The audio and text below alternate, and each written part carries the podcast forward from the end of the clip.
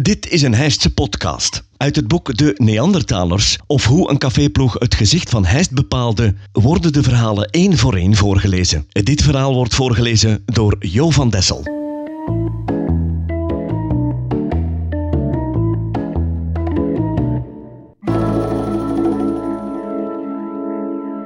Een stukje van mijn leven.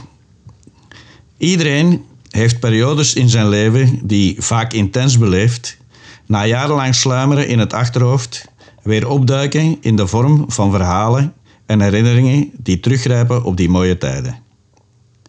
De Neandertalers was zo'n periode, vol gebeurtenissen, hilarische avonturen, straffe en soms stomme stoten die enkele decennia later nog nazitten in het geheugen. Die tijd in en rond het pleintje heeft mijn leven meer kleur gegeven en heeft vriendschappen opgeleverd die nog altijd verder gaan. Het zat er allemaal in. Gezonde Zuid-Kempische buitenjongens die achter een soms ongrijpbare bal aanjoegen. Door weer en wind op vaak miserabele akkers. Wassen in een kommetje, opgewarmd op een duveltje, of in het beste geval een krakkemikkige douche in een platenkot. En dan de nodige pinten achteraf. Soms meer dan genoeg.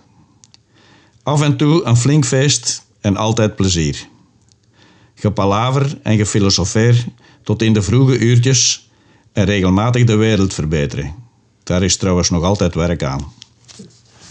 Absurde humor en onbeschrijfelijke toestanden waar men nu succesvolle tv-programma's zou van maken. Het was de tijd van Monty Python en de uitstervende flower power en hippie-tijd. En dat zullen ze in Heist en omstreken geweten hebben. Beroemd en berucht, maar uiteindelijk bijna allemaal brave huisvaders met een hoekje afgeworden. Allen zestigers nu, en dus hoog tijd voor een vrolijke terugblik op misschien de mooiste jaren van ons jonge leven.